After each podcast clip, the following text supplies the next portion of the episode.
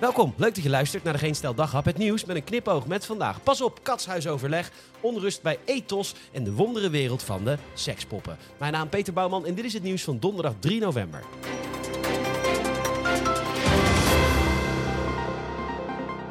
Het gaat er dan toch van komen. Een deel van het kabinet overlegt vanavond in het katshuis over de asielinstroom. Het is een brainstorm zonder beslissingen. Dus waarschijnlijk komt er een kek moodboard aan te pas met een plaatje van een emmer en water. Maar beslissen gaat volgens nog niet gebeuren, want dat is ook lastig. Want alleen al praten over asielinstroom, laat staan constateren dat het aantal huizen dat Hugo de Jonge wil bouwen, wat er niet mag vanwege stikstof. Maar ga even met me mee, we brainstormen. Het aantal huizen gaat al op aan nieuwkomers en dat benoemen of constateren of alleen al aan denken is racisme. Een stem op Wilders voor die ruk naar links. Maar goed, de laatste keer dat men bij elkaar kwam in het katshuis werden er buiten de controlerende macht om behoorlijk ingrijpende beslissingen genomen. Zal er een avondklok komen speciaal voor asielzoekers of een QR-code? Je gunt het geen asielzoeker. De mannen die het meisje met de parel wilden beschadigen om aandacht te vragen voor het klimaat.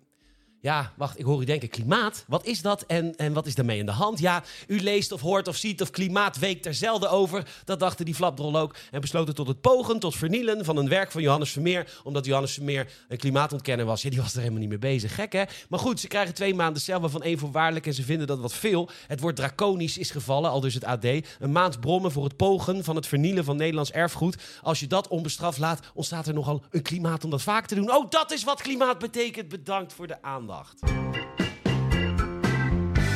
Er heerst onrust bij de medewerkers van Ethos. De maat is vol, komt een van de medewerkers bij het AD.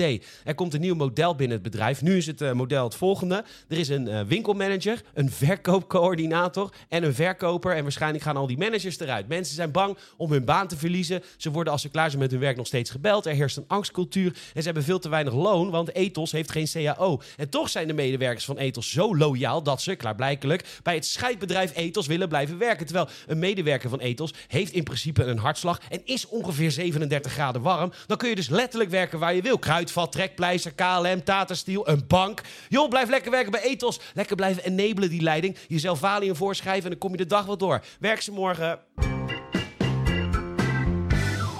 Paintballkogel is dan eigenlijk door de kerk. De wolven in Gelderland mogen worden beschoten met paintballguns, want de wolven worden te tam. Het zegt genoeg over de staat van de wolf in het op Malta na meest dichtbevolkte land van Europa.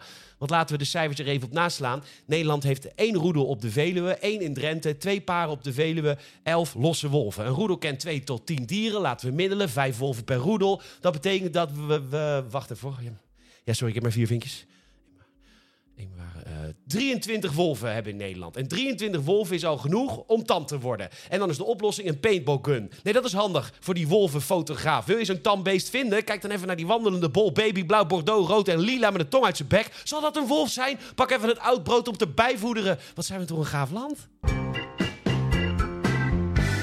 Grote paniek in het Gelderse Nijkerk gisteravond toen politieeenheden massaal uitrukten vanwege een lichaam in een bos. Dat meldt de Telegraaf. Heel grappig, want rukten. Want het bleek uiteindelijk om een sekspop te gaan. Waarbij wij ons direct afvroegen: ja, waar gooi je een sekspop anders weg dan in een bos? Want ten eerste, in welke kleur bak gooi je siliconen? Is het bij het plastic of is, of is het biologisch aftrek? Haha, breekbaar. Of is het restafval? hey, zo praat je niet tegen Bonnie.